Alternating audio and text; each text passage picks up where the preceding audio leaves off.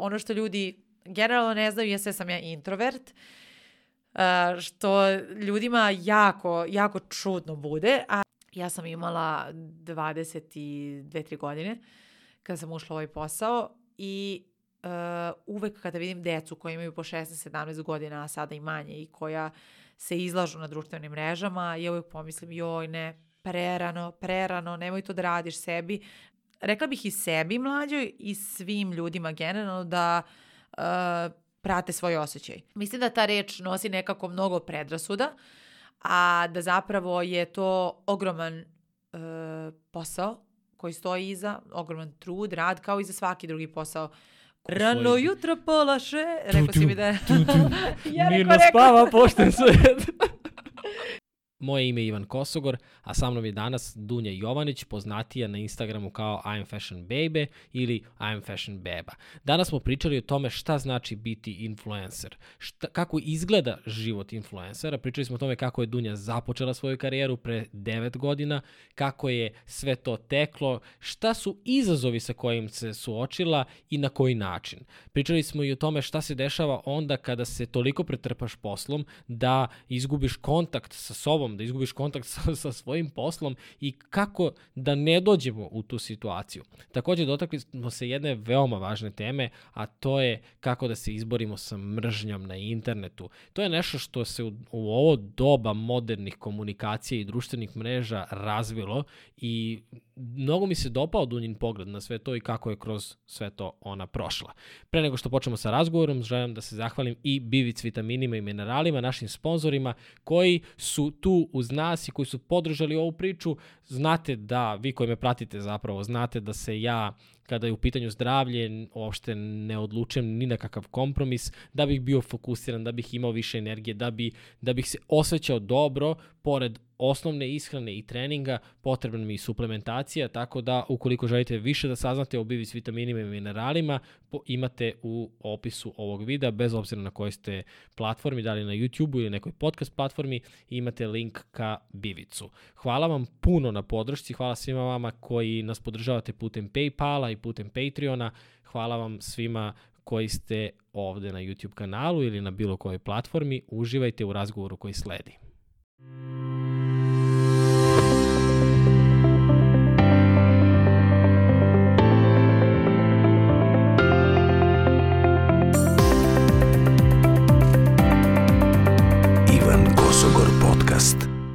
Sećaš se da sam ti rekao da se sve dešava u pravom trenutku i mi smo već dva, tri sata zajedno i ja sam jedva dočekao ovaj trenutak da ti kažem da, je, da danas snimamo podcast zato što je danas moj rođendan.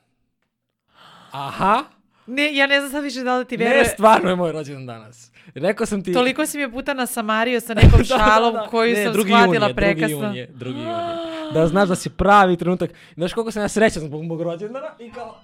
Ne mogu da da, verujem. Znači, ja sad želim da znam koliko je trebalo da se ti dogovorimo negdje između 7-8 meseci, mada možda i duže, i da ja ubodem tvoj rođendan. Taj dan. E, mnogo mi je drago. Srećan ti rođendan, želim sve ti. najlepše na svetu. Hvala ti puno. Ovo je za, zatim to sledi da je ovo rođendanski specijal koji objavljamo sad u petak, ali kako se sve poklapaju kockice, Ja sam šokirana, ti da meni, kako si izdržao da mi ne kažeš? ne znam, trudio sam se. Sad ne znam šta je dalje.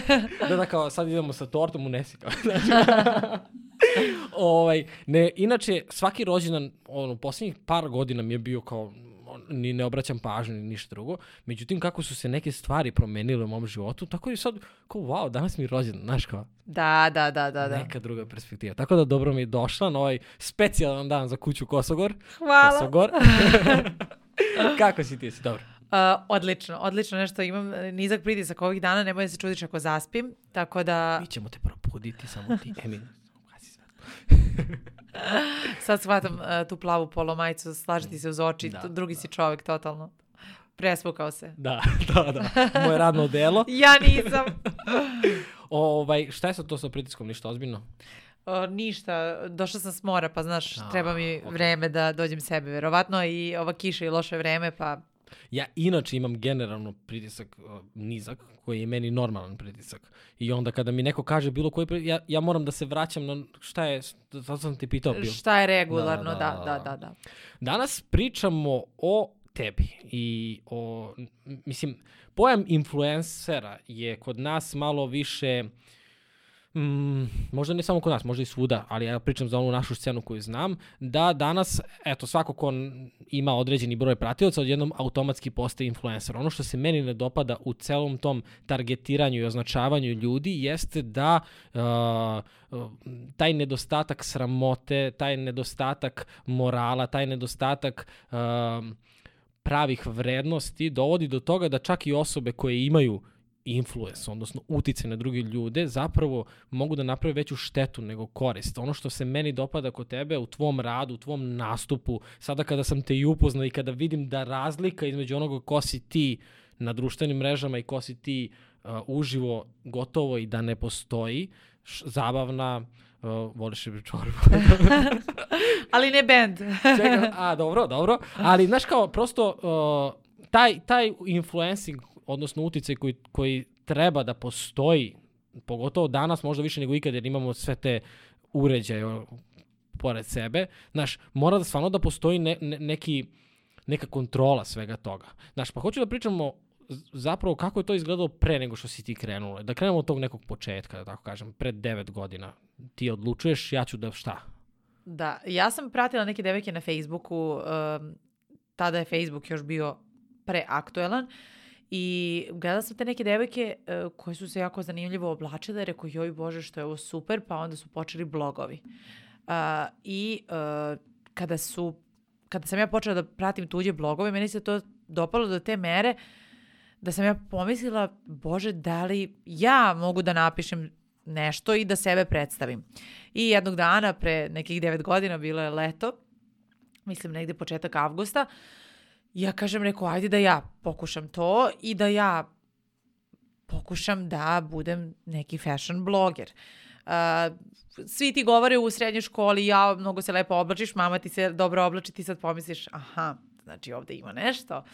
I ja tog jednog dana uzmem i napišem svoj prvi blog post, predstavim se, kažem ja sam Dunja Jovanić, ja studiram ekonomiju, imam psa baby i tako kroz par slika i uh, sa uh, nešto teksta otvorim to poglavlje u svom životu i tada pogotovo srpsko tržište nije bilo ni nalik današnjem. Uh, sve je bilo drugačije. Uh, moment da te neko pozove na neki event, da ti ideš, uh, da budeš gost na eventu nekog brenda, to je bilo nezamislivo, nezamislivo. I negde tek pre 4-5 godina se tržište okrenulo ka influencerima. Tada to nije bilo tako. Radila sam 3-4 godine mislim u stvari posle dve godine da, da, da je došao prvi novac i zaradila sam 150 evra i to je bila fešta jer je to prvi moment kad ti, svi ti govore nemoj, zašto to, daj, ajde, šta, slikaš se, mislim, mada to umeju i danas da kažu, šta sad to znači, šta, blog, ne razumem, smeju mi se. I onda ti dođeš do 150 evra i sebi kažeš, bože, ej, znači, ovo radi, ovo radi. I e, nije da nisam imala tokom godina uh, momente kada sam htjela da odustanem, kada mi je bilo nekada nisam verovala dovoljno u sebe, nekada tržište nije bilo spremno, nekada mi je bilo svega preko glave, ali sam baš zahvalna što sam danas tu gde jesam i što imam tu privilegiju da nikada ne ustanem ujutru i da kažem jaoj, bože, danas moram da radim, nego je taj posao bukvalno deo mene. Pre nego što krenemo to šta je posao, zanima me šta misliš da te održao svih ovih godina? Šta je to bilo Naravno da će biti trenuci kada te, teško je, nagomilaju se stvari, ali prolazi, nekada imaš porodične probleme, nekada priva, ne, imaš život sa strane, Naravno. imaš svoj život. Šta misliš da ti je omogućilo da opstaneš i da dođeš do ovde dok si došao danas? E, mislim da mi je omogućilo to što ja u ovaj danas posao, tada hobi, nikada nisam ušla uh, želeći neki rezultat. Nisam pomislila, ej, ja želim da od ovoga živim, želim da zaradim novac, želim da budem popularna, nego sam ja ušla iz čiste ljubavi. Kada ne, u nešto uđeš iz čiste ljubavi, ta ljubav tebe vodi. I ona može nekada da bude sputana, pa da malo bude dole, gore, ali ona prisutna i ja danas, jedan danas to radim sa istom ljubavi, ako ne i deset puta većom, ovaj, sa kojom sam ovo i počela. A šta je ta strast? Prema čemu? Uh, prema Ako modi... sam lepo pre- rekao pre- lju, strast. Jeste, jeste. Prema modi, prema... Uh, hoću da kažem na engleskom, sad ste me vi zbunili. Da, Uh, mi inače prema- pričamo, za- samo da kažem odmah Da. da. supruga moja i ja pričamo englesko-srpski jezik i uglavnom to ljudima bude prvo simpatično, a onda ja posle vidim kako koriste. Znači, Da, ja što si bu- pričala sa da. Na engleskom, da. Ja bukvalno i, i dosta u, u e, dnevnom govoru koristim engleskih izraza i sad ste me vas dvoje totalno poremetili. Elem, e, ljubav prema modi, ljubav prema lepoti e, i prema raznim nekim stvarima koje sam shvatila tokom vremena da e, mogu da podelim sa ljudima i da Znaš šta, me, znaš šta me u stvari sad najviše? Sad, sad ću da krenem da se opuštam. E, Zapušen mi je nos od alergije i bukvalno ovaj, sam na pola koplja, ali ne, ne, ne. Ovaj, a, e, znaš, znaš šta je tokom godina, odnosno od kada se pojavio Instagram story, ranije si ti imao sliku i sad se ti uslikaš i to je to. Svako će shvatiti to na svoj način. Od kada se pojavio Instagram story, ti si nekako mogao da se ljudima u 15 sekundi pokažeš na razne neke načine i da im ispričaš priču i da prosto imaš drugačiji vid interakcije. Taj moment da ja mogu nekog da zabavim, je nešto što mene najviše vozi danas. Ne, ni, ne toliko ni e, ljubav prema lepoti, ni prema e, modi, ni prema tome da će neko sada naučiti nešto od mene što je svakako tu. E, ta, taj osjećaj da možeš nekog da zabaviš, da nekome nabaciš kez e, na lice i baš mi se često dešava da mi ljudi pišu i kažu ja proživljavam to i to, bolujem od toga i toga, trenutno sam u bolnici, trenutno prolazim kroz razvod, uh, ali gledam tvoje vlogove i pratim tvoj Instagram i svaki put se smejem do suza. E, to je nešto što me najviše vozi. Da, ultra si zabavno inače na Instagramu. Ja se sećam i za vreme korone si dr- držala neke koncerte na Instagramu. Rečem, vidi bre ti nju. Totalno kao, uh, ja sada sa, sa podcastom pa postaje poznati i sam podcast Da. i na Instagramu i tako dalje. Ne sad uopšte ne pričam da se poredimo i tako dalje, ali uh, ja nekako stečem taj utisak kao da po, postaješ po znacima navoda ogoljenji nekako. Znaš, prati se svaki tvoj korak. M, znaš, nije baš toliko ni prijatno to. To zvuči, izgleda sa strane kad ti gledaš kako neko je popularan kao bravo, naš vidi ga. Ali ti kad si to, pogotovo ti si u ozbiljno većoj meri nego što ja sad mogu i da pretpostavim kako to izgleda. Kako se, kako se nosiš s tim? Ovo je sad lično pitanje. Da, znaš, da, da. Baš me zanima šta je. Nekada skroz lagano, nekada teško, uh, ali ja se trudim baš da radim na sebi, tako sam i vaspitana i da što više rastem, to više se osvrćem na Dunju od juče i gledam kako da Dunja sutra bude pre svega bolji čovek prema sebi, a onda kada si prema sebi, takav si i uh, prema drugima. Uh, ja sam naučila neke tehnike za preživljavanje. Uh, jer uh, koliko god ti neko kaže ne pogađa me to što me blate, ne pogađa me to što je ovaj rekao za mene ovo ili ono, svakoga pogodi, dok ti ne ovladaš tehnikama da to drugačije procesuiraš, da shvatiš zašto je to neko rekao, uh, da li to ima veze uopšte s tobom, da li si ti nekom izduvni ventil i tako dalje, ali uh, jedna od krucijalnih stvari koje sam ja naučila jeste da tog momenta kada ja dođem kući, bez obzira na to da li sam možda u toj istoj kući sad snimala, ali kad znam da sam gotova sa time, da ja onako spustim tu dunju i da ostavim ovu dunju, ja sam, kao što si rekao, ja sam jedna te ista osoba online i offline, s tim što sam ja offline mnogo uh, smirenija. Ljudi me nekad pitaju jel ti nije dan, zato što očekuju da ja idem i konstantno kao igram, pevam, skačem. Ja sam sve to, ali kao i svi mi, nisam to 24 sata.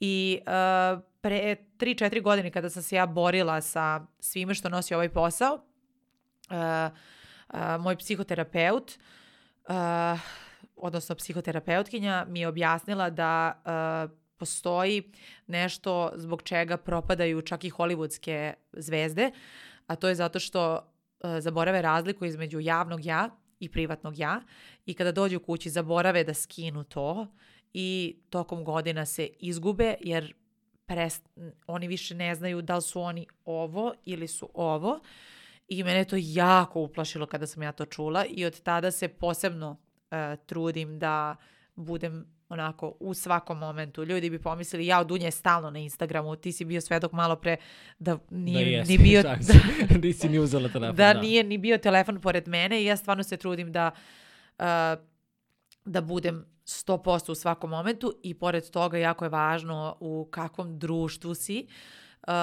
svi moji najbliži prijatelji uopšte nisu uh, ljudi koji su opsednuti Instagramom i to su ljudi koji su u svojim biznisima uspešni, ali koji su tu da nazovu i kažu ej, šta ti je ovo, si normalna, odakle ti ova ideja, koji me spuste kada treba da se spustim ili kada se ja nešto deprimiram, oni su tu da me uh, podignu i mislim da je to uh, jedna od najvažnijih stvari. Najvažnije stvari misliš na prijatelje? Uh, da. Da, da, da. To je, i što si stariji, to je nekako iz mog bar perspektive, sad sam, danas sam stariji, zvanično. Danas si zvanično. stvarno stari. ovaj, I kao, znaš ono, kad smo bili klinci pa imaš veliki krug ljudi, sad ti se to sve svodi maltene na jednu do dve osobe koje praktično stvarno možeš da kažeš sve ono što, što ti je na duši, ne u smislu kao sad krijemo nekog drugog, nego tačno znam da će me neko zaista saslušati i onda to ima stvarno tu neku posebnu, posebnu vrednost što te, mene bar to podsjeti kao je, ljudi smo, kao možemo da, da podelimo ideje, da, da ti kaže, e, ovo ti nije okej, okay, ili da ti kaže, razmisli do, znaš, možda ne mora ni direktno nekad da ti bude kao, e, ovo ti je glupo, nego kao, misliš da može to i malo bolje? Kao, da, da, hvala Da, ti, da, kao, da. To je konstruktivna kritika. Konstruktivna, konstruktivna kritika je nešto što se stalno ponavlja kao ja sam ti rekao to, to, to i to zato što to je konstruktivna kritika. Uh, u stvari je konstruktivna kritika kada ti neko totalno mirnim tonom uh, kaže ej, super je sve što radiš, ali mislim da je ovo greška. Mislim da si, ne čak ni greška, mislim da si ovo mogao drugačije. Ovaj, a na mrežama se stalno to spominje kao da je to opravdanje za reći nekome loš komentar i uh, kod, jako se mešaju pojmovi, znaš, uh, loš komentar, uh, pravo da imaš svoje mišljenje, uh, ti imaš pravo da imaš svoje mišljenje, ali ja imam pravo da ne moram možete da čujem tvoje mišljenje. To je ono što, znaš, samo jedna strana, a zaboravili smo na ovu drugu. Ova, ja čak mislim da imam, imamo previše mišljenja, a premalo akcije. E, mi svi mislimo i svi smo na Instagramu, borimo se za ovo ili za ono, a sutra komši pukne kesa i ispadnem u paradajz uh, po ulici i ja samo prođem kao "Ha, ovo me se ne tiče. Da, znaš kako kažu za mišljenje? Mišljenje je kao zadnjica, kaže, svako ga ima. Tako da, a šta misliš, ajde, nisam teo još da uđem u, u tu temu, ali je zanimljivo i to sam skoro baš pričao sa Markom Petrakom iz podcast inkubatora, gde, gde smo pričali o tome kako mi nije jasno da neko uh, ima potrebu da napiše ružan komentar na YouTube-u, na Instagramu, gde god i gde sam, ja, ja sam napravio paralelu sa tim, ja kad prođem pored izloga i kad vidim ružne patike, ja ne uđem u radnju i kažem baš su vam ružne ove patike, kako vas nije sramota da imate ove... Ne, nego idem i pronađem patike koje se meni dopadaju i te patike kupim. Odnosno, ako sam na YouTube-u, ako mi se ne svidi neki video, pa neću da stavim dislike i neću da pišem komentar da mi se ne svidi, nego ga nikad više u životu neću pustiti. Samo izađeš x. Znaš kao, šta, šta isprovocira čoveka, jer to mora biti neka bro, da se odluči da potroši 20 minuta koliko mu treba da napiše neki ružan komentar. Znaš šta ja volim da kažem? E, Da pre nego što nekome ostaviš ružan komentar, e, razmisliš da li bi toj istoj osobi prišao na ulici i rekao je to sve u lice. Ako bi to uradio, ima ih takvih ljudi, ali to je 0,01%. Ako bi to uradio, onda treba i da napišeš. Ako ti to samo radiš, jer do, možemo svi da budemo uh, jaki i opasni iza tastature, ako to samo možeš tako, onda definitivno to ne treba da kažeš. Da, ali čak i da neko hoće da ti kaže to uživo, pitanje je sa kojim tonom, sa koliko poštovanja bi to rekao. Znaš, Da, jer da. to su potpuno, mada to je internet fenomen, znaš, ti ja sad možemo da pričamo o tome, ali to zaista postoji kao fenomen u celom svetu, gde Jest. ono čak i Joe Rogan kaže kao ako čitaš komentare ispod svojih podcasta, poludećeš kao, nemoj da radiš to. Nemoj se Jeste. baviš uopšte tim, tim ljudima i, i tim komentarima, jer nisu toliko, to je ta razlika što ti pričaš između konstruktivne kritike i tako. Ali mnogo mi se dopala jedna stvar koju si malo pre rekla, to je Dunja uh, ovde, Dunja ranije, Dunja. Šta bi ti danas rekla Dunji koja tek kreće da se bavi ovim poslom? Koji, koji savet bi joj rekla? Da, osjećam se kao da smo uh, u intervju za Cosmopolitan. Šta bi rekla 12-godišnjoj tunji? A, Šalim se. sam rekao tim tonom ili... E, ne, ne, A, ne. Takvo je pitanje, šalim se. Okej. Um, rekla bi da, rekla bih i sebi mlađoj i svim ljudima generalno da uh, prate svoj osjećaj. Ja sam često sumnjala u svoj osjećaj da treba da se bavim ovim poslom, da uh, treba da guram i svašta nešto i onda uđeš u moment gde ljudi oko tebe pokušavaju da te svrstaju u neku kocku, kao ti si ovde. Znači, završaš ekonomski fakultet, ti treba da radiš ovde i tvoj život treba da izgleda ovako, a ti sve nesigurno, jer ne znaš koji je ishod toga što trenutno radiš, ti sve nesigurno kao, ok, ovo mi je sigurno, ta kutija mi je sigurna, ali je, da li ja mogu nešto malo drugačije, nešto se meni više sviđa, tako da definitivno bih sebi rekla da verujem svojom osjećaju. Ja imam 31 godinu i tek pre nekoliko meseci sam istinski onako zaista, zaista, zaista počela da verujem svojom osjećaju, a imam takvu intuiciju da to svet nije video i zamisli da sam ja to sputavala 30 i nešto godina kao ne, ne, kao sigurno se tripujem i moram ti kažem da mi se život promijenio od kad sam počela sebi da verujem za takve stvari. A šta je taj osjećaj? Kako, kako ga sad prepoznaješ? Uh, pa, znaš da kad upoznam nekog mogu na keca da, da, da vidim kakva je osoba, da li mi misli dobro, loše, da li je dobar ili loš prema drugim ljudima. Za posao, kada mi se neko javi i na prvu dobijem taj osjećaj ovo ne treba da radim, ne treba da radim. Uh, baš im onako imam jak osjećaj it's a no. Dobro je onda. Ok, super što, što si ovde sa nama danas. Posle Ovo je osam dobar meseci znak, da, proradio da. je osjećaj. Rekla si pre koliko meseci da je to krenulo da pratiš osjećaj? E, pa pre dva, tri meseca E, pa tek. to je to, Da. to, to, to smo čekali. Da. A reci mi, koji ti je savjet danas potreban da čuješ? Danas, uf, pa nešto mi je, nešto mi proteklih dana onako isto mi e, baš dosta teško. E, Najđu tako periodi, kažu astrolozi, bit će bolje u junu. ovaj, a, ono što mi treba da, da čujem sada jeste da o- opet vratim svoj fokus. Da. A, na Instagramu, u brojkama, hajde da prođemo samo kroz sve što, što- sve tvoje platforme. Na YouTubeu nekoliko miliona pregleda imaš. Da, da. Na Instagramu 200, 300 hiljada ljudi. 300.000, aha. 300 hiljada ljudi. Da Ja, ja, znaš da, ja znaš ti kad, ka, kad kažeš to i generalno kako se svi frljamo o ciframa u ovom poslu, kad kažeš 300.000 ljudi, ti si su ona, ok, to je znači 25.000 lajkova, 30, 40.000 lajkova ili tako nešto. A, a ja sam inače iz Nove Pazove. Nova Pazova ima 30.000 stanovnika. I ja razmišljam nekada kada pokušam da, da pojmim to onako, da fizički razumem koliko je to ljudi, ja zamišljam, znači, sve što ja radim vidi 10 novih pazova. I ja budem iz fazona, pa to je nemoguće. Znaš, Da, da, pa to je stvarno neverovatan broj. Zamisli fizički 300 hiljada ljudi. ja, ja ne znam koliko bi to koliko bi to moralo da okrećem glavu da vidim 300.000 ljudi, ali stvarno je, još, još se u našem poslu to vodi kao ništa, kao to je ništa, 300.000, kao zašto ti nemaš ovaj, mnogo više followera? Mada, stvarno po statistikama, mene mnogo više ljudi gleda i š, da kažem špionira nego što me prati. Recimo, uh, ako nedeljno imam reach milion, uh, od to je recimo od 150.000 mojih pratilaca koji su aktivni svaki dan i uh, 850.000 ljudi koji me prate, gledaju, ali prate, mislim, prate šta radim, ali me nisu zapratili. Mm. Kaži mi kako, mislim, ustaneš ujutru i treba da realizuješ neku Rano svoju... jutro pola še, rekao si mi da je... Ja Mirno rekao, spava pošten svet. Rekao, sad će mi reći, rekao sam ti da se ovde ne peva. ne, Bravo. ti možeš da pevaš. E, bra. Meni su neke da ne pevam. Šet, pre neki dan, brat i ja i u kolima i on pusti neku pesmu i ja pevam i on čuti onako, znaš, isto on kaže u jednom trenutku, ja prestao. Kaže, što je odvratno kad neko ne zna da peva, peva. I ja ga pogledam neko, hvala ti. Hvala ti. Teško te je. Znači, a, hteo sam da te pitam, i, imaš ideju. I sad, obično, eto, to je isto neko bilo moje kao uverenje za koje sam znao da nije Čekaj, isto. ustanem ujutru i imam ideju.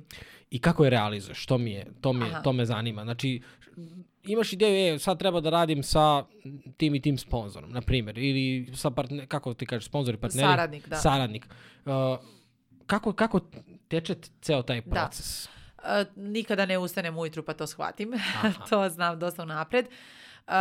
to se menjalo toliko, to, e, to se menjalo tokom godina. E, I mogu da kažem da nekako ja iz svake saradnje naučim po nešto i da sam zaista zadovoljna na koji nivo sam ja dovela ceo proces poslovanja i klijenti su takođe prezadovoljni. Uh, obično se to dešava u letu, jer kao što vidiš i sam, ja sam non stop negde, non stop sam u kolima, non stop nešto radim i onda me zove taj taj, kaže ej, sad ću ti dati primer za uh, jednog klijenta, ovaj, ej, imaju tu i tu kampanju, radi se o tome i tome, oni žele da ti to i to. Ja kažem, ne dolazi u obzir, prosto mislim da je to ispod mojih mogućnosti, mene treba da iskoristite za nešto što neko drugi neće moći da vam doprinese u toj meri. Uh, da li mogu ja da kažem šta, kako bih ja to i ja zapravo onda njima od njihove ideje uh, često napravim neku svoju verziju te kampanje i uh, klijentu 99,9% mislim da me niko nije odbio uh, ili je baš, baš redko da se to desi. Ovaj, uh, u 99% slučajeva prihvate moj predlog i onda radimo, ali generalno kada mi kažeš ideje, ideje mi padaju na pamet tokom dana, tokom noći, e, znam da treba nešto raditi za nekog klijenta i samo i, u, ali slušaj, iz niđe veze, ja tipa ribam kupatilo i su ono, "Ah, Dem, ćemo da radimo tako sa... I onda brzo, da ne bih zaboravila, kako ti dođe, tako ti nekad i ode, i onda brzo šaljem voice. Dem, treba da radimo... I ovaj, uh, koliko god da bih ja mogla možda da radim i sa nekim ljudima koji će još više nekako doprineti da sam moj kontent izgleda mnogo bolje. Uh, ja sam osoba koja osmišlja koncept, uh, ja sam u 70% slučajeva osoba koja sve sama i snima.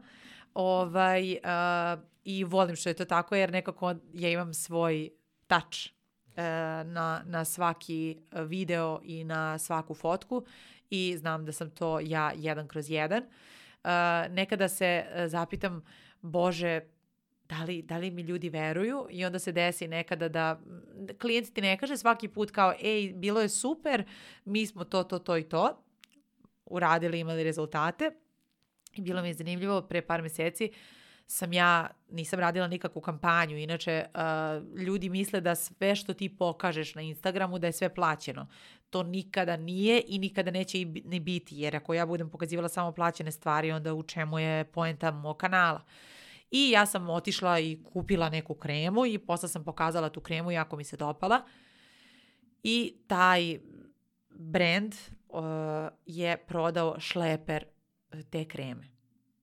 Ja to nisam imala pojma jer meni nisu rekli iz tog brenda, nego sam ja došla opet da kupim nešto i pita me neka starija žena, jel ste vi Dunja? Ja kažem da. Kaže ona, da li vi znate da smo mi prodali šleper, ako ne i dva šlepera, one kreme. Ali to je bilo, znaš, tako spontano i ja sve što radim, trudim se da bude, ja uvijek kažem, uh, nikada ne pristajem da radim nešto uh, čisto da bih zadovoljila klijenta ili da bih uzela novac. Radim samo ako ja to osjećam uh, i onda i sam rezultat mora biti onakav kakav jeste. A šta ti je važno kod prihvatanja? Sad sam, ako sam te dobro razumeo, znači nekada i odbiješ ljude prosto, ako nešto nije u skladu s tvojim vrednostima.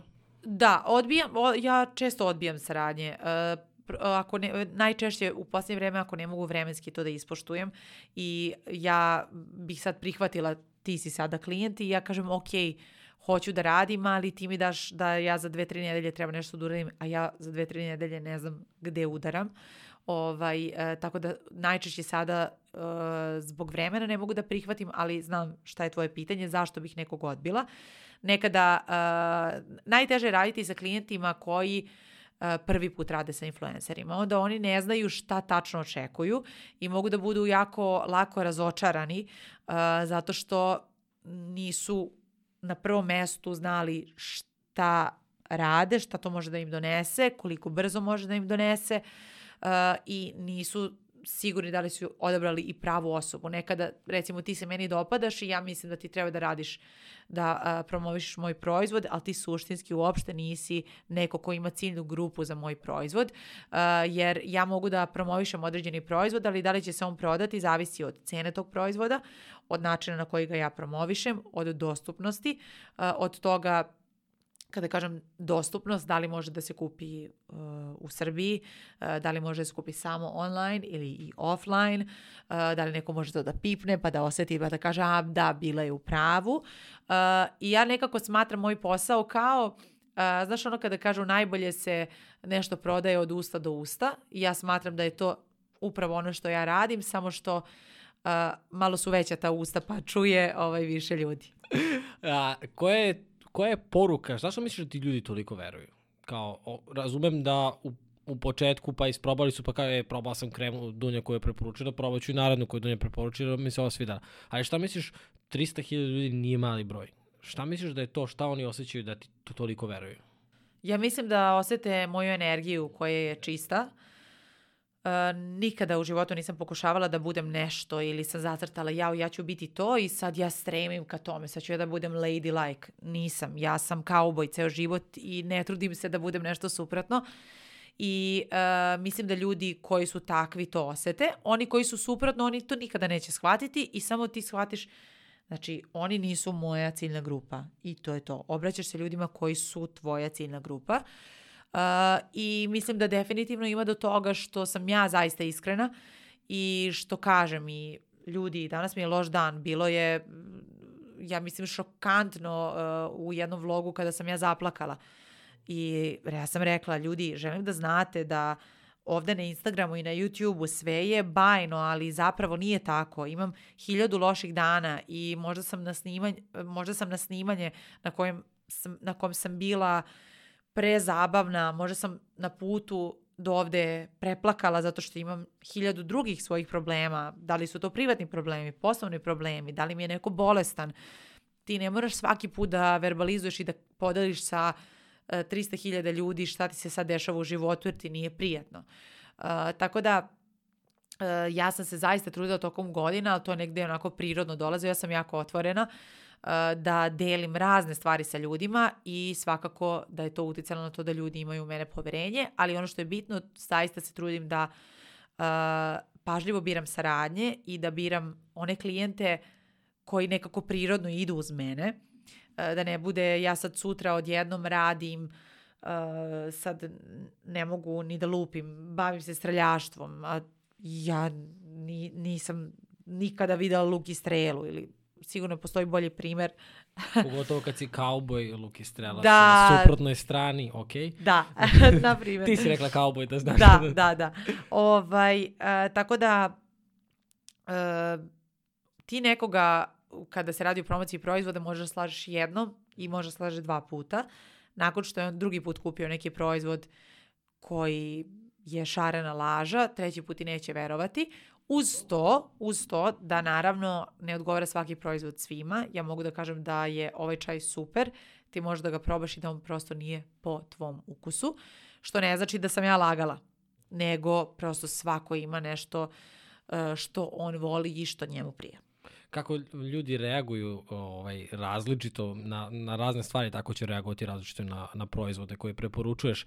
A kaži mi, a, razvijanje cele influencerske scene kod nas. Ti si među pionirima, ja pretpostavljam da pre 9 Ja sam dru, drugi talas. Mm -hmm. da. Ko, šta je bilo prvi talas onda? Prvi talas je bila Zorana. Aha. Ona je pre mene počela i bilo je tu sigurno jedno 10-20 devojaka koje su bile u prvom talasu. To je taj fashion blogger talas oko... Ja, ja sad nisam Yes, ispratio yes. toliko, ok.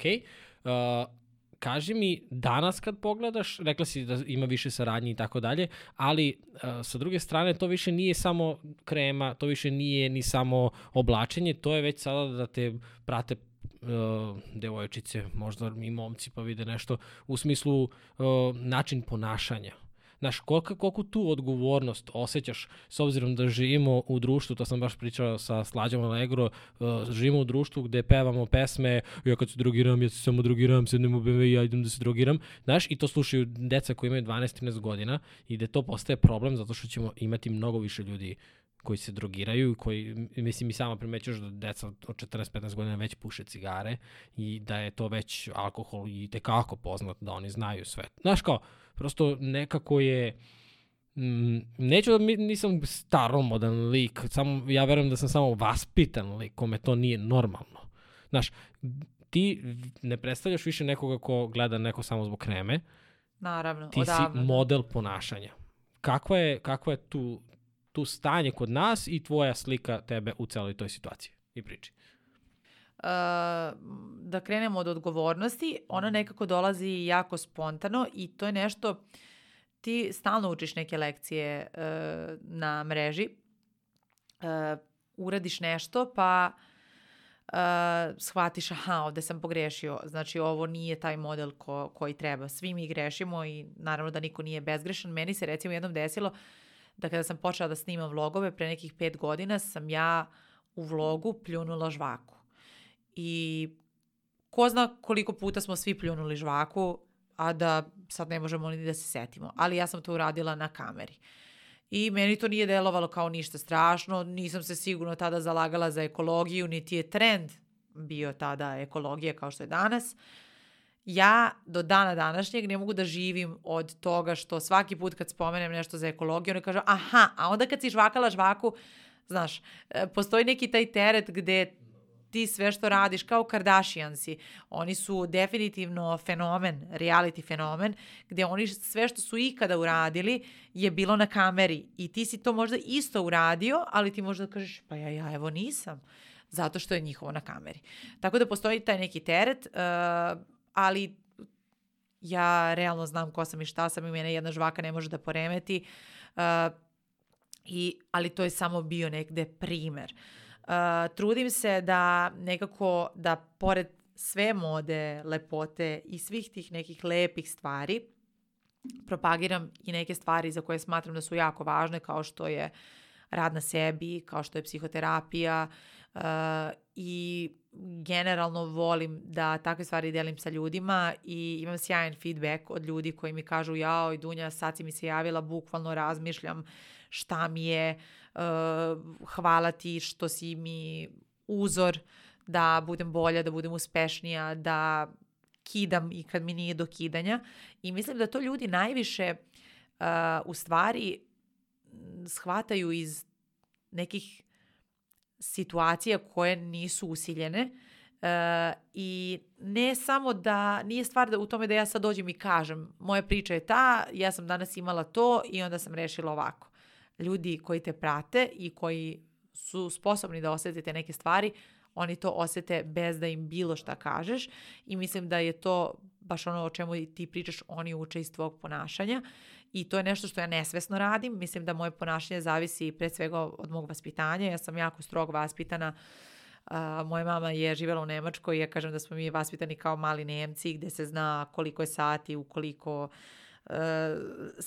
sve red se jako ovaj ceni i poštuje. Pored toga je i profesorka, tako da Nemačkog ili... nemačkog i A, engleskog. Pričaš nemački? Ne, to mi je, naj, to mi je najveća uh, životna ovaj, žal što, što nisam... Mama je htela i ja sam odustala u nekom momentu. Nemački baš težak. kao meni uvijek deluje kao da neko da me psuje, znaš, vas maks duhu. Da, Da, maks jeste, znaš. grub je, grub je, Da. ali nije težak. Pravilnije je mnogo od engleskog. Ja sam učio četiri godine i ovo što sam ti sad rekao znam. I Da. ich liebe dich i Entschuldigung. Da, a to je Da. zato što ti neko nije preneo, to je upravo ono što... što Ma nije me interesovalo uopšte. Da, ali neko ti nije preneo tu ljubav prema, prema tom jeziku. Inače, Mm. Da, da. stvarno nije, nije težak. Pa dobro, ništa onda u sljedećem podcastu na nemačkom. Nemačkom. mislim, sa Danas Bog prevodom. vidi. Influencing u tvom slučaju je preduzetništvo i ozbiljan biznis. Uh, Ne, ni, nekoliko navrata si rekla koliko si zauzeta u toku dana, međutim da i da te nisam lično upoznao po onome što sam video, sam video da ti si sada pokrenula i svoju liniju odeće, a pre toga si toliko dugo radila sa, sa, drugim, stva, sa drugim agencijama i prosto uh, to je neki, to, da li je to neki novi model preduzetništva? Ja sad opet, ti si prva influencerka sa kojom pričam u ovim razmerama i onda mi sad sve me to interesuje, pa pokušavam da se uklopim. Ali kao, to je o, ono full time job, 8 sati, 12 sati, nekada 15 i tako tokom cele nedelje ili kako to izgleda? Pošto obično ljudi, izvini, pre nego što kreneš, obično ljudi, a šta je influencer, okači šta je jeo, okači gde je bio i to je to. Međutim, to definitivno nije, to je to. ono. to, je, uh, to jeste istina za neke ljude. Da je to okačiš šta si jeo, gde si bio i to je to. Uh, ja sam se prvo ljutila na takve komentare, onda sam shvatila da postoji mnogi ljudi koji zapravo to je influencing za njih.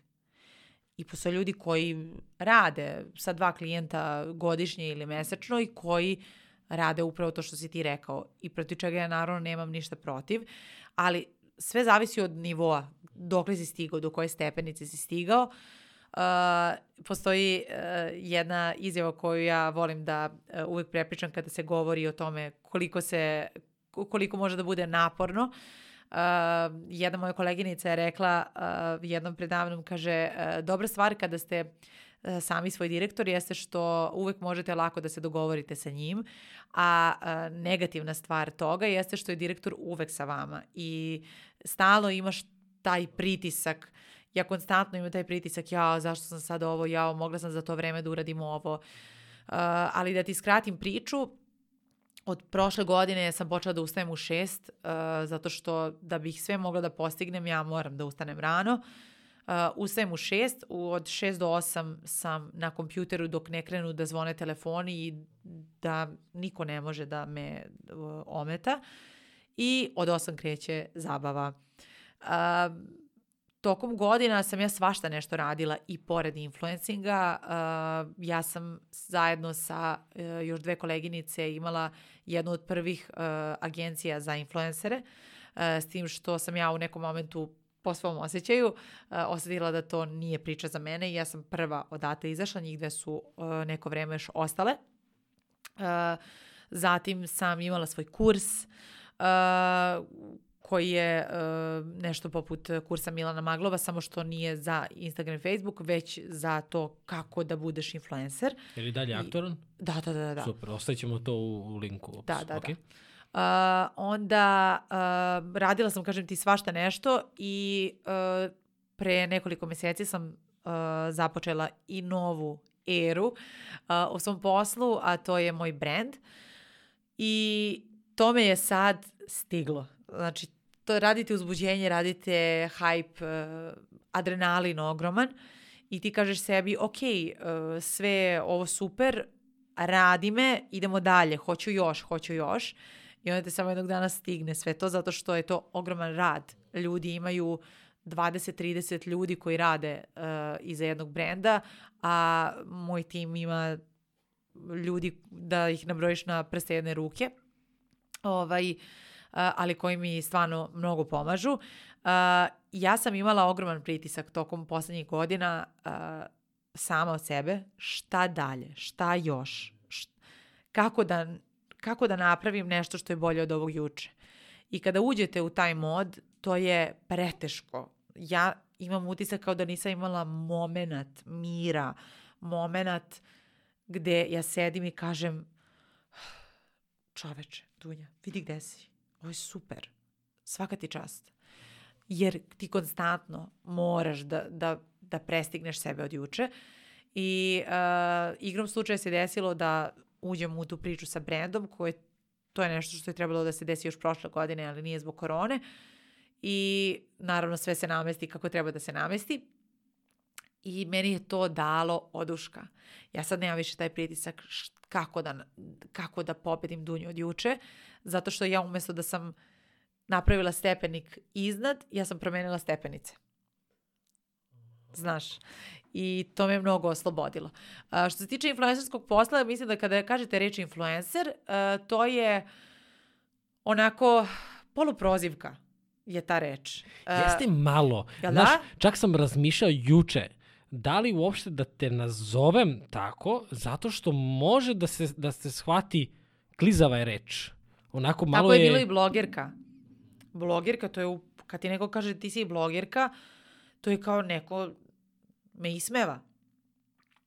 Ali ja se ne pecam na to. Ja znam ko sam i ljudi sa kojima ja radim i ljudi koji su oko mene znaju ko sam ja i to je to. Ne, nema potrebe. D- Da li će neko da mi napiše ispod ono u prilogu da sam influencer, bloger ili šta god hoće napiše, može da napiše, to, to je nebitno, svi će reći, neće, neće neko reći za mene, e, ona je influencerka, reći, pa to je fashion babe, babe ili fashion beba, zavisi kako me, kako me ko zove. Fashion beba. Fashion beba. O, Ovaj, a, mislim da ta reč nosi nekako mnogo predrasuda, a da zapravo je to ogroman e, posao koji stoji iza, ogroman trud, rad, kao i za svaki drugi posao koji radite onako do kraja.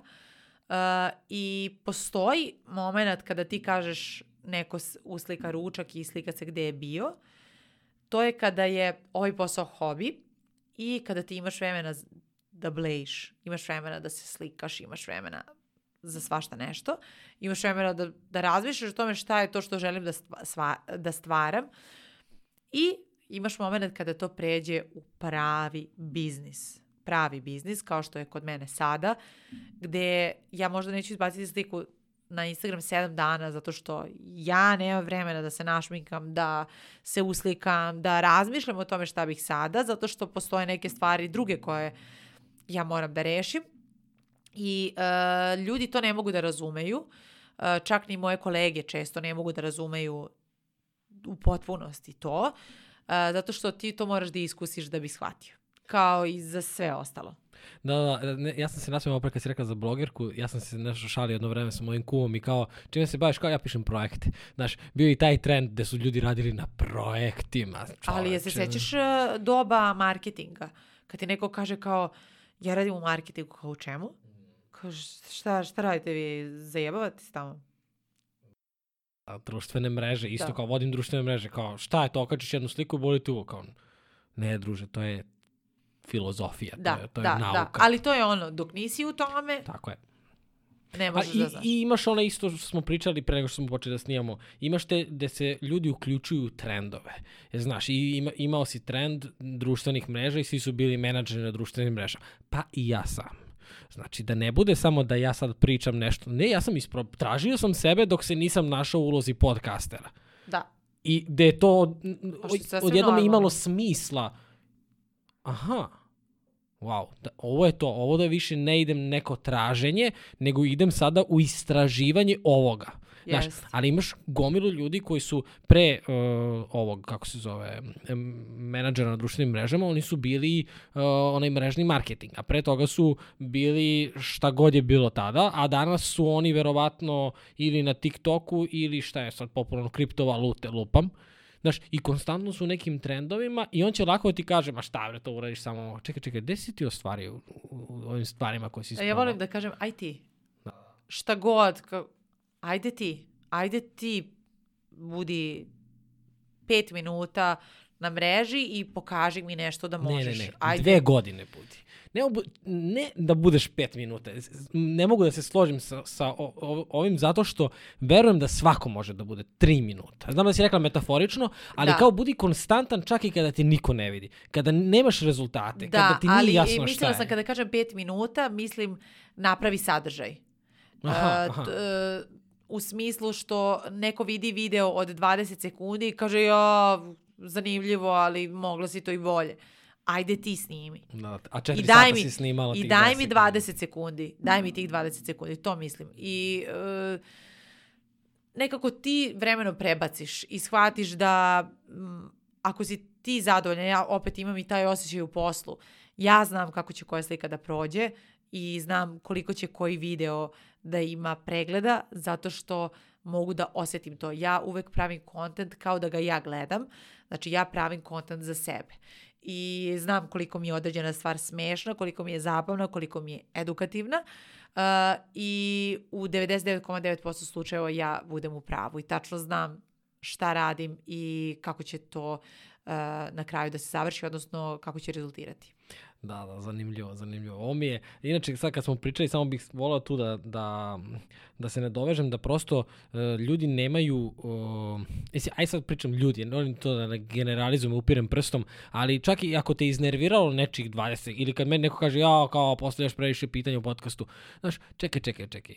Ako si primetio da ti nešto smeta ovom što ja radim, to je možda impuls da ti započneš podcast. Možda ti to, to što te neko drugi iritira, Znaš, koliko te stvari ne iritira, a koje su možda meni iritantne. Znači, ti obraćaš pažnju na ovo. Umesto ove kritike, bolje da mi kažeš, ej, kako mogu da započnem podcast? Da, znaš, daj da. primetit ću te tako. Nemoj da te primetim i da, da mi budeš kao aj, još jedan u nizu. Ne razumeš? Da. Kao, ako te nešto iritira, to je možda impuls kao, probaj ti, usudi se. Znaš, nije, ne, ne mora uvek da bude ta mržnja, iako je u većem, većem slučaju.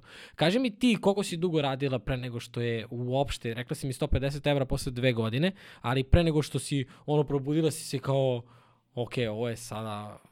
Ja mislim da sam ja poslednje tri godine baš, baš aktuelna. Uh, 2019. je bila možda najbolja, najbolja godina za mene. Uh, ali eto, da kažemo, znači 2019. je bila pre dve godine, tri godine. Ne, dve. Dve godine, 2021. da. 2021. Ok, ok. Da, skoro pa će ovaj, pre tri godine. Ja posle ali... rođena pređem u drugu, znaš pa da. sve mi je jasno, sve mi je jasno. Uh, ali ovaj, uh, znači većinu vremena u kojoj sam provela radići ovaj posao, ja sam se nekako spremala za ovo što je sad došlo. I ljudi nekada kažu, ja, blago tebi, ti si to preko noća, ili kao, kako je moguće da je sebi mogla da uh, obezbedi stan, auto i ne znam nije šta kao što dve godine ovde nama priča o kremama. Ja kao, ok, prvo nije dve godine nego devet, uh, a onda možemo pričamo o svim ostalim stvarima. Šta je najteža stvar za tih sedam godina, ne računam 2019. koja ti je bila, e, ako ovo prođem, sve mogu. U profesionalnom te Da, kapiram. Uh, nisam imala neke takve uh, situacije da mi je, da mi je najteže. Uh, par puta, mislim, posle, prvo posle godinu dana uh, sam pomislila, bože, da li ja zapravo traćim svoje vreme. Uh, I bilo je par teških momenta, pa recimo i u 2018 kraj 2017. Uh, je bio dosta težak, nakon čega sam ja uh, snimila video Nije život Instagram, uh, gde sam ljudima pokušala da uh, prikažem šta se to sve dešava sa, ne, sa neke naše strane. Uh, taj hejt mi je nekako bio težak da ga prebolim. Uh, tu nek 2018. 2019. Znaš kako? Kada si mali, ljudi ti govore, jao, ti to super radiš, ti bi trebao da radiš sa Diorom, sa ovim brendom, sa onim brendom. I to je, ti si svima presladak. Kako krećeš da rasteš, ti ljudima krećeš da smetaš. Iz razloga koji tebi nisu poznati. I kada ti dođeš do toga da ti radiš sa Diorom, sa, sve, sa svim brendovima sa kojima su ti ti isti ljudi želeli da radiš, njima se ti više ne sviđaš. Ti se promenio, ti više nisi ta ista osoba, ti si počeo totalno drugačije da pričaš, totalno se sve promenilo oko tebe, a u stvari ti si ovde otišao, oni su ostali ovde. Ti koji će to uh, prokomentarisati. Uh, uvek se, kada se priča o hejtu i o uh, komentarima tog tipa, uh, uvek se priča kao da je to nešto mnogo, mnogo ljudi. Zapravo, svaki put uh, ja sebe sama podsjetim koliko ljudi je lajkovalo određeni video, a koliko ljudi je ostavilo loših komentara. Ja ću ti sad dati primjer, recimo 30.000 uh, ljudi lajkuje određenu sliku i imaš pet negativnih komentara. Ali je naša priroda jako čudna tu, gde te zaboli uh, Ti ta- se tih fokusiraš pet, na negativno. Tako je. Da, ja sam, kada sam objavio prvu knjigu 2015. godine, sa, naj, ono, sa najviše, kako ti kažem, ljubavi, sa, sa željom da ispričam ljudima, ej, meni se ovo dogodilo, ja sam kroz ovo prošao tako i tako, zaključio sam da možeš da izabereš, koliko god je nešto teško, koliko god da ne očekuješ da preko noći se sve dogodi, ti možeš da izabereš, to je poruka moje knjige gde se dešava da u nedelju dana od objavljivanja knjige napravi se stranica, tad je Facebook bio što ti kažeš popularan, napravi se stranica obožavatelji, ne znam, Ivana Kosogora, gde sam ja mislio, ja, rekao, vidi ovo, neko pročitao knjigu, svidelo mi se. Gde su oni mene prozivali na toj stranici. I to je sad ljudi koji su zapratili, ja vidim među njima moje prijatelje, koji uopšte nisu ni pogledali šta je to, nego kao, gde je tu se. bilo, mene stavljaju na ikone, pa nešto, ja sam, pa jedno, dve, tri nedelje, kako stomak me je bolao. Znaš onaj osjećaj kad te nešto izjeda. Ja nisam znao šta, pritom sa druge strane svi mi čestitaju, bravo, ono, a ja ne znam šta. E, tu sam onda, taj deo kada sam preš, prešao preko toga, kada sam naučio, ej, uvek će biti neko što ti kažeš, malo pre super ono rekla, ti si sada napredovala i oni ti kažu promenila se. Ti se jesi promenila. I to je Ja, prirodan oni te proces. vide iz nekog, znaš, ali Ali prirodan proces je da kako uh, odrastaš, tako se menjaš. Uh, ljudi su u nekom momentu očekivali od mene da ću ja zauvek da budem devojka koja će da skače po kolima, uh, da vrišti smese, peva, što ja radim generalno, ali ja sam u momentu jednom prestala da snimam vlogove zato što sam ja shvatila da ja više njima ne mogu da pružim tu istu vrednost. Ja ne mogu da budem dev- devojka od 25 godina. Ja sam sada devojka od 31 godinu koja je daleko staloženija, koje su bitne neke druge stvari, koja se fokusira na rad, na sebi, na drugima. Uh, potpuno sam drugačija, što ne znači da sam se, nije mene slava promenila. Uh, ko se ponaša isto sa 25 i 35 godina? pa taj ima Ne daj problem. Bože. Taj ima problem. Ne daj Bože. Da, da, i to je, ali, znaš, ako imaš takve ljude, sad ne ulazim uopšte u tvoj, tvoj Da. privatan život, ali ako imaš takve ljude, onda njima nije mesto tu. Ne tebi, nego bilo kome drugom. Znaš, kao.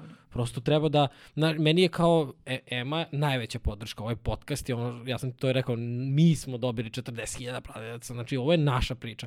I Me, ja imam ogromnu podršku od mog brata, na primjer. I kao, da, da ne bih mogao da sedim sa nekim ko, ko hoće da me zgazi ili za koga ne mislim da mi ne želi dobro, ajde da tako kažem. Da. Znaš, ja, vo, ja hoću da budem okružen ljudima za koje sam siguran da mi žele dobro i da ja njima želim dobro. Da. Znaš, da. to mi je jako važno danas. Pe, neću da potrošim 15 minuta, pola sata na nešto što, na nebitnu kafu ili na, znaš, ne, neš, nešto u čemu ne vidim smisao, pa makar taj smisao bio da se ja odmorim. Jest. Znaš, jest. ne mora sve da bude posao, ne mora sve da bude ultra uvek zabavno i to, može nekada da bude, brate, da šetamo šumom i da ne pričamo. Ali smo tu. to, to ti je kada sa nekim imaš odnos. Uh, ja kada sam bila mlađa, uh, onda sam uh, naučila to da kada ljudi uh, dođu kući i recimo upale TV istog momenta kada dođu, to je zato što ne mogu da podnesu da sa osobom tom imaju mm, da, da moraju da ćute jer im je neprijatna tišina. Tebi i Emi sigurno nije neprijatna tišina i umete sigurno da ćutite. Uh, I to je to, to znači da imate dobar odnos. Uh, takođe, ljudi koji uh, non stop pričaju nešto da ne bi došli u situaciju da ćutimo, tu se isto i zakrije neki problem. Tako da ovaj, uh, ja što sam starija to više ćutim i to više slušam i uh, mislim da ljudi koji se uh, boje da ostanu sami sa sobom takođe imaju problem sa sobom. Jer ti kada ostaneš sam sa sobom može se pogledaš u ogledalo. Možeš da shvatiš neke stvari, uh, možeš da se preispitaš, uh, da kažeš aha, znači lupam, bila sam u vezi, ja iz ove veze sam naučila to, to, to, to, to i to, želim kod sebe da promenim ovo i želim da nađem nekog ko je ovo.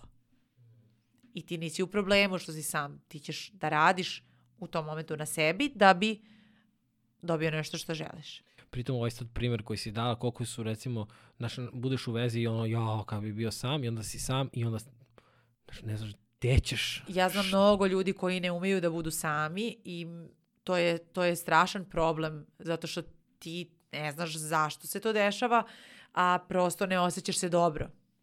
ni, ni u jednom segmentu života uh, kada si sam.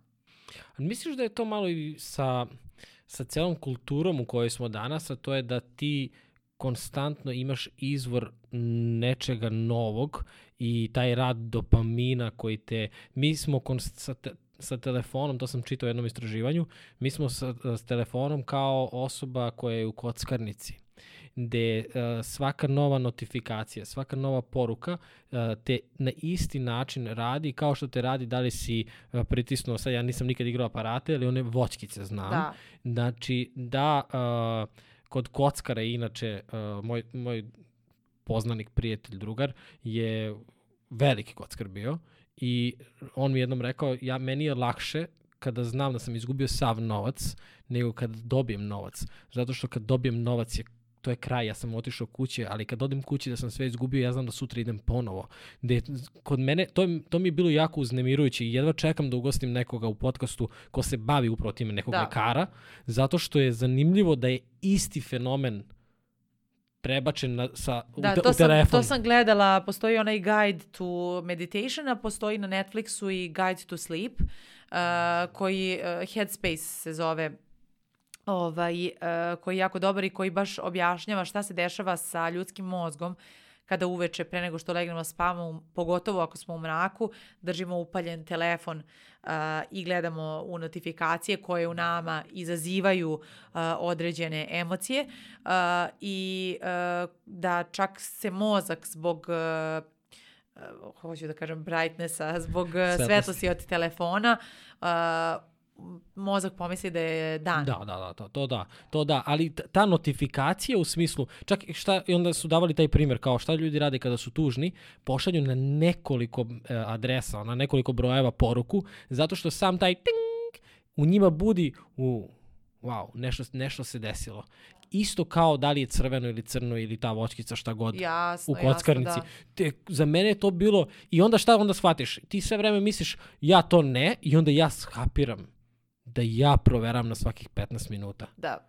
I onda to, malo pre si, to me, asociralo me cela priča zato što se ti baviš, prosto si na mrežama, a onda si pričala sada o tome da, uh, uf, ode mi visao. Da, da, da, smo, da smo konstantno, naš, hoću da proverim šta se desilo, jer, naš, čak i da se ništa nije desilo preterano, u smislu kao samo jedan like, ja dobijem osjećaj zadovoljstva, ja ne mogu da ostanem sam. Yes. prosto, toliko sam zavistan od uređaja, od, od tog osjećaja konstantno hoću nešto novo da se dogodi, da ja kad ostanem sam, ja imam problem. Jeste, jeste, jeste, jeste. E, nešto najkorisnije i najbolje što sam uradila u, pa sigurno u posljednjih deset godina, jeste što sam prošle godine e, otišla na e, odmor i nisam koristila telefon. E, tad mi je, e, nisam ga skroz isključila, e, ali tipa, mislim da mi je e, onaj report, e, weekly report pao za 98% i da sam dnevno provodila recimo 15 minuta na, na telefonu. A, samo ono, javim se da tu sam i živa sam i izbrisala sam Instagram aplikaciju tada. Da I mogla si gleda- to. Da, da, da, da, da. Nije to meni prvi put.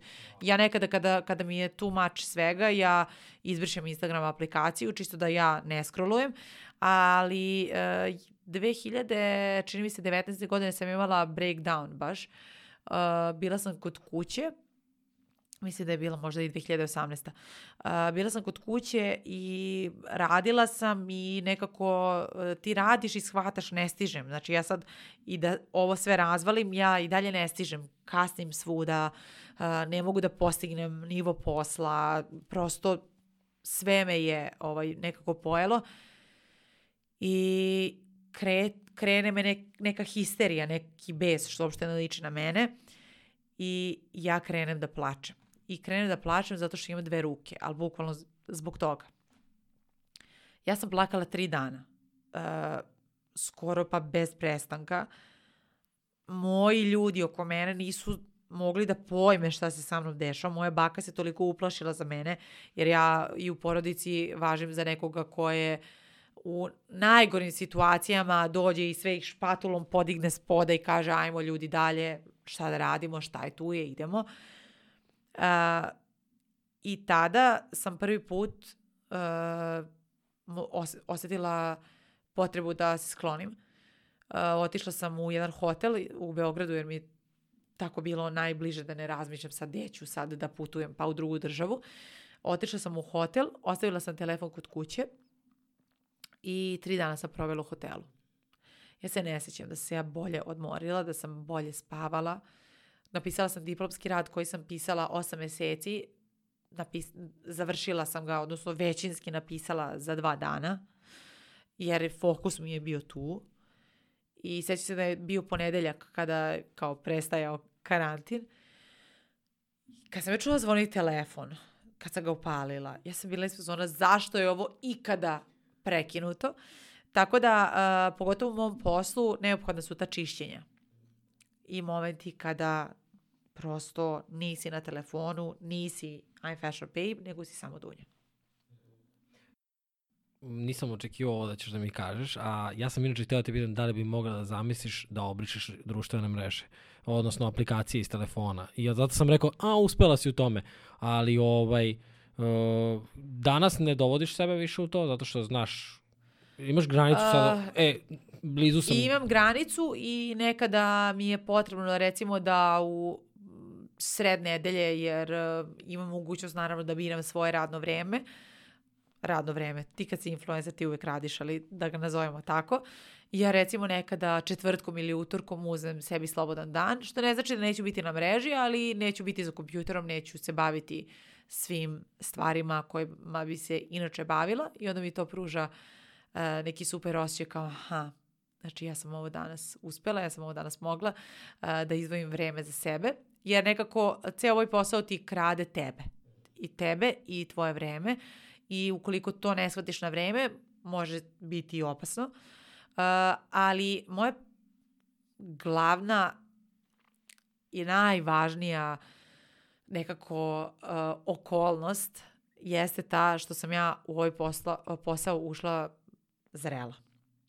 Ja sam imala 22-3 godine kada sam ušla u ovaj posao i uh, uvek kada vidim decu koji imaju po 16-17 godina, a sada i manje i koja se izlažu na društvenim mrežama, ja uvek pomislim joj ne, prerano, prerano, nemoj to da radiš sebi, nemoj nigde da žuriš, proživi te, te neke mirne godine, godinice, pro, proživi ih kao tvoji vršnjaci, Uh, jer ne mogu da zamislim sebe da imam 17 godina, niko nema samopouznanje sa 17 godina i zamisli sad ti čitaš komentar kao što današnje deca čitaju, bez obzira na to da li su uh, popularna ili nisu, to je danas normalno, ovaj, da čitaš komentar kako si ti ružna, kako si ovako, kako si onakva, a ni ti u tom momentu nemaš neko mišljenje o sebi.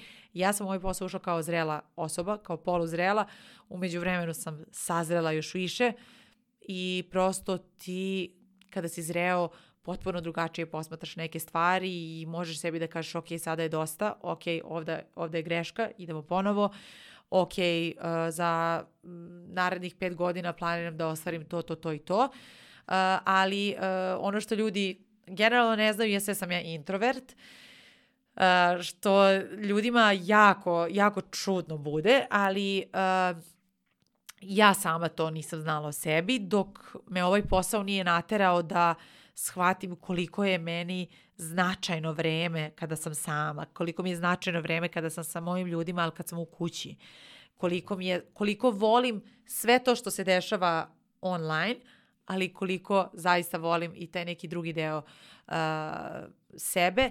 I mm, ja se ne bih začudila da ja za nekoliko godina samo kažem ljudi hvala na pažnji, to je to i isključim zaovek sve mreže zato što e, mnogo volim mir, mnogo volim mir i uh, ovo, ovaj nemir ja doživljavam kao izazov i kao posao. A uh, zapravo sam obrnut lik. Kako je to zanimljivo da ima, ima i ono pravi, nepisano pravilo da stidljivi upisuju glumu, a ti da. se baviš poslom koji je sve samo ne za introverta. Da, da. Što je dokaz da i drugi ljudi koji uh, su dobri u, u raznim nekim stvarima, uh, ne mora da znači da uh, ne mogu da budu to ukoliko su introverti. E si baš kao introvert, to mi sad ekstremno zanimljivo. Da, nisam ekstrem, nisam u ekstrem. kao imaš više, više kriterijuma, znaš ono kao, uh, tražim pravu reč, mm, kao ja, ja ne mislim za sebe da sam introvert, ali imam jako visok kriterijum da li ću se s nekim družiti ili ne. I to sad može Ema odmah da ti potvrdi da ja se uviđam s dve osobe u, u, u šest meseci, sa dve osobe koje ne viđam svaki dan, a inače imam samo jednu osobu pored Eme, to je moj brat, Da. sa kojim sam bukvalno svaki drugi, svaki dan. Da. I to je to. Ja obožavam ljude, mi, smo, mi kad putujemo negde, ja se odmah upoznam, čak smo... Ti nisi introvert. E, da, ali imam ogroman kriterijum s kim ću da se družim. Ja mogu, bit će mi drago kad smo bili u Grčkoj, pa sad slikamo neki rip, pa za, on je još zaprosio, znaš, ja gledam Emu, nešto su mu se, ja kažem, šta je bilo? Kaže, uopšte nisi gledao mene tamo. Ja, ljubav, slikao sam, oni su se, znaš, ono, Da, zaprosio. da, ja da. volim sve to, ali to je u nekoj, nekoj granici. Uopšte ne želim da se družim sa više ljudi nego što sad družim, u smislu kao svakog dana, znaš. Da. Da li si u tom tip, taj tip ili šta? ja sam od uvek imala jako mali e, broj ljudi oko sebe i ja kada sam vraćala film, kada sam ja u sebe prihvatala kao introverta, e, ja sam se tad vraćala u vrtić. Koliko si prijatelja imala u vrtiću? Jednog. Ok, idemo osnovna škola. Koliko si prijatelja imala? Imala sam ja su uvek sa strane drugarice, ali jednog prijatelja kao svoju bazu. I, i dan danas sam stvarno takva uh, i to je uh, izazov i bude jako zanimljivo da uh, e, to je ono, uh, neko će me sresti u klubu i bit će iz fuzona uh, jako slatka, ali izgleda kao da je sramota i mene je stid u hiljadu jednoj situaciji, e, ja nisam uopšte prodorna, a neko će pogledati moj video na Instagramu i biti su zona čoveče, ali ova komunikativna povaka dođe, pojavi se, odmah kreće da priča, odmah, a zapravo je to nekako mnogo lakše da radiš e, na kameri nego uživo. Uopšte nemam taj utisak. Zato je ovaj osmeh sad, zato što ne mogu da verujem, ali, ovaj, ali verujem ti. Da, da, da, jako zanimljivo. Pomenula si lični razvoj i zanima me uh, koja ti knjiga ostavila, ostavila na tebe najveći utisak ili neka tehnika, neka navika, nešto što je... Uh, znaš kako, uh, ono što je na mene najviše uh, uticalo jeste u stvari ta neka navika uh, koju sam dobila od roditelja da treba da radiš na sebi. I mislim da to nekako ne može ni jedna knjiga da ti pruži kao kada ti uživo vidiš to šta rad na sebi može da uh, donese. Uh, I kažem, vaspitana sam tako i od malih nogu sam praktikovala i da idem kod uh, terapeuta uh, dok je to još bilo sramota. A kamoli danas kada se bavim poslom za koje mi samo treba mi jedan za privatni deo, jedan za poslovni deo. Ovaj, uh, volim da istražujem, da isprobavam, ne znam, pre dva, tri meseca sam probala da meditiram. Iako smatram sebe osobom koja uopšte nije u tom fazonu, rekao, ajde da probam. I recimo, to mi se mnogo dopalo kako, kako utiče na mene. I jako mi se dopadaju ti Netflix serijali koji zapravo pričaju o tome šta se dešava u tvom mozgu kada ti meditiraš, zašto nam se čini nekada da ništa nismo radili ceo dan, da smo preumorni, to je zato što nismo ni tri minuta pustili svoj mozak da diše, ovaj, uh, nismo ga ostavili na miru, uh, tako da uh, ja smatram da to se nekako, mislim da 90% stvari koje smo mi i koje činimo zapravo polaze iz kuće, pa tako i ta moja želja za radom na sebi. Jako zanimljivo. Jako za... Inače, za meditaciju, pre nego što meditiraš i tako možeš u toku dana, opustiš čelo pre nego što uđeš. Probaj sada. Da, već jesam čim si mi rekao, da, ja o- sam da odmah osvestiš da si- slepočice se smire, da, jes. Da, da, da. Ja, ja mislim da je stvarno jako važno raditi na sebi. Mislim, danas je to malo, znaš, sada post, malo je mistifikovano, malo je postalo sve kliše i tako dalje, ali smatram da bilo koliko ozbiljno želi da uspe u karijeri, u u, znaš, u stvari, razlika između tebe i nekih drugih preduzetnika mi je ta što ja sada mogu da, za, da kada bih te pitao tvoj uspeh, ne bismo pričali samo o brojima ljudi na Instagramu, o novcu koji se zaradili, možemo da pričamo o uspomenama. I to je ono što mi se mnogo dopada kod tebe, zato što bi ti mogla da pričaš 17 dana o uspomenama u, u posljednjih 10 dana. Jeste, jeste, jeste, jeste, jeste. Znaš, razlike među predu... idem, sad ću da radim, da gazim i, znaš, i čekaj, radim, gazim i sve to, ali imam uspomene, živim. Jeste, jeste, jeste. To je ogromna prednost mog posla. I to je ono što sam ti rekla na samom početku, nikada ne ustajem ujutru i kažem jao i sad ovo moram, nego ustajem ishajpovana, spremna da gazim, spremna da e, da grizem dalje, da se borim, jer u ovom poslu ima i, i mnogo borbe uh, sa sami sobom pre svega. Ovaj, uh, I toliko me ovaj posao čini srećnom uh, i toliko je onako, meni, meni je potrebno da ja tačno matematički vidim gde sam, šta sam i tako dalje, tako da ima i taj deo koji je vrlo precizan gde ti možeš da vidiš gde si bio pre tri godine, gde si sada. Uh, I ovaj posao je toliko, toliki deo mene da uh, mora će da postoji ozbiljno, do, ozbiljno dobar razlog uh, da da on bude nekako sekundarna stvar uh, u mom životu. To je onda znaš da radiš dobru stvar, znaš. Da. Kada, kada pričaš sa ovoliko radosti o tome. Ajde samo kratko i da završamo. Tvoj novi brand BB? BB. BB, ok. Pričaj mi, pričaj mi malo o tome i šta sve ljudi uh. mogu da... U stvari, ostavit ćemo sve linkove normalno, da. ali šta, šta je to priča? Uh, 2019. odnosno, uh, da, 2019. je bila jedna od najuspješnijih godina i ja sam tada izbacila i svoj kurs. Uh, trebalo je da proslavim 30. rođendan, odnosno proslavila sam ga i kao treća stvar te godine, kao trojka, ovaj, bila je da izbacim svoj brand. To se nije desilo krajem 2019. godine, ostavljeno za 2020. I ovaj, to su trebali da budu neki travel aksesuari, Uh, I sve to bilo već poluspremno. Čekao se uh, moj povratak iz Amerike, ja sam tada bila u Majamiju početkom, početkom prošle godine. Uh, čekao se moj povratak da ja potvrdim te neke količine i da krenem u to. I krene korona. Ti imaš travel accessories brand, o čemu mi pričamo. I ja kažem ništa ljudi, sve stopiramo, ne znam, do daljnjeg. I tako se to nekako vremenom izgubilo totalno iz vida i uh, krajem prošle godine se meni javi uh, to da su se ljudi dosta promenili u koroni, da sam ja osoba koja je ceo život provela u pidžami i koja pidžamu ne skida. Tog momenta kada uđem u kuću, skida se, oblačim pidžamu i živim u pidžami. vidi mi, a vidi mi je periferni video kako klima Evo, ovaj, svaki glavi. Dan. Prosto, ja kad bih vratila uh, poslednjih 30 godina života, ja sam 15 godina ladno provela u pidžami. Ljudi, znate kako, znači ovo, ovo je kao da sam smišljala čime ću da se bavim. Znate koliko sam ja nosila pidžamu, pogotovo kao klinka i koliko nisam htjela da je skinem, da ja odem krišom u pidžami. Ja sam išla na folklor u pidžami. I odem tamo i ljudi me gledaju si normalno, došla si u pidžami, su ono šta ima veze, ovo mi je najudobnija. Idem u prodavnicu u pidžami, pa me onda mama nahvata kako idem u prodavnicu u pidžami i mama mi da list eh, A4 eh, formata i kao Bart Simpson sam morala da pišem. Ne sme se ići uh, u prodavnicu u pidžami, ne sme se ići u... I bukvalno treba da ispišem pet listova, međutim, ona je to meni nikad nije mogla da, znaš, kad je nešto u tebi, nije mogla da izbaci to iz mene i da danas idem napolje u pidžami, ali sad legitimno, mm. jer u bebe pidžami može da se ide napolje. Uh, elem, krajem prošle godine ja krećem da razmišljam o tome da bih se ponovo aktivirala, ali da sam ja osoba koja je ceo život provela u pidžami, ali da su generalno ljudi drugačiji i da je mnogo bitnije šta nosiš napolju nego kakav si u kući. Kao, ma dobro, kao šta god da obučem, u tome samo prespavam, nije ni bitno.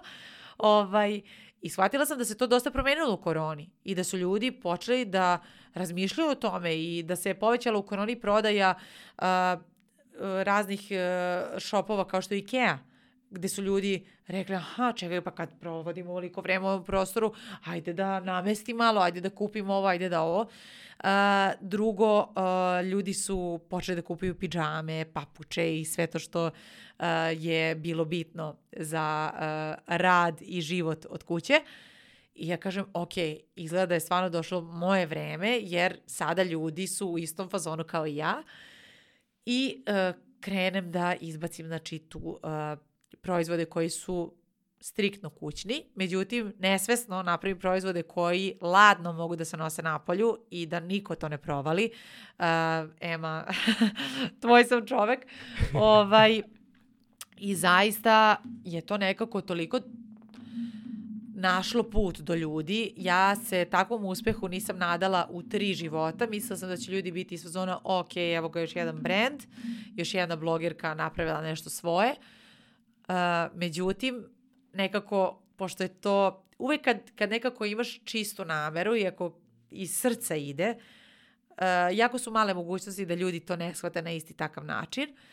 I uh, ljudi su odlepili, uh, ljudi, ljudi mi šalju takve poruke, uh, ono, taj moment kada obučem pidžamu, osjećam takav mir, uh, toliko se dobro osjećam. E to je meni. Da sam ja uz tu pidžamu, pidžama je sekundarna stvar, da sam ja uz tu pidžamu uspela nekome da prenesem energiju. Da taj neko kada otvori taj proizvod pomisli na mene, pomisli na momente kada ja igram, kada se smejem, kada zabavljam ljude i da su sa, sa proizvodom dobili tu energiju. E, kada sam to shvatila, iako je to bilo skroz spontano, nisam znala da je to moguće, kada sam to shvatila, rekla sam, ok, pobedili smo u ovoj priči. Strava, pa to je to. to čovjek prepozna čoveka, dobrota se prepoznaje. I ono što si rekao, kao imaćeš hejt, ali to je tako mizerno i mali broj ljudi u odnosu na pogotovo kada, kada radiš to što radiš i kada imaš priliku da, da si na pozornici ispred 300.000 ljudi. E, jedna, jedna a, moja drugarica mi je a, e, rekla nedavno, kaže, ne može loš čovjek da radi dobre stvari. Da, da, s tim možemo i da završavamo. Mnogo ti hvala ti e, dok pričaš često govoriš sa umanjenicama i smanjiš neke reči, ali si veliki čovjek i veliko srce imaš, to je moj utisak. Wow. E, mnogo sam srećan što smo se upoznali, e, što smo se ispričali, e, uvek si dobrodošla kod nas i obavezno riblja čorba da znaš. Naravno. hvala ti puno, stvarno. Hvala od srca, bilo mi je divno uh, i želim da uh, ponovimo ovo uh, za jedno, dve, tri godine da vidimo gde smo tada. Odlično, odlično, Super. radujem se tome. Hvala svima vama koji ste slušali i gledali. Želim da se zahvalim i našim sponzorima Bivic vitaminima i mineralima. Imate u opisu link ako želite da saznate više o njima. A ako ste prvi put na kanalu, najbolji način da nas podržite jeste da nas zapratite. Uživajte. Ćao! Kosogor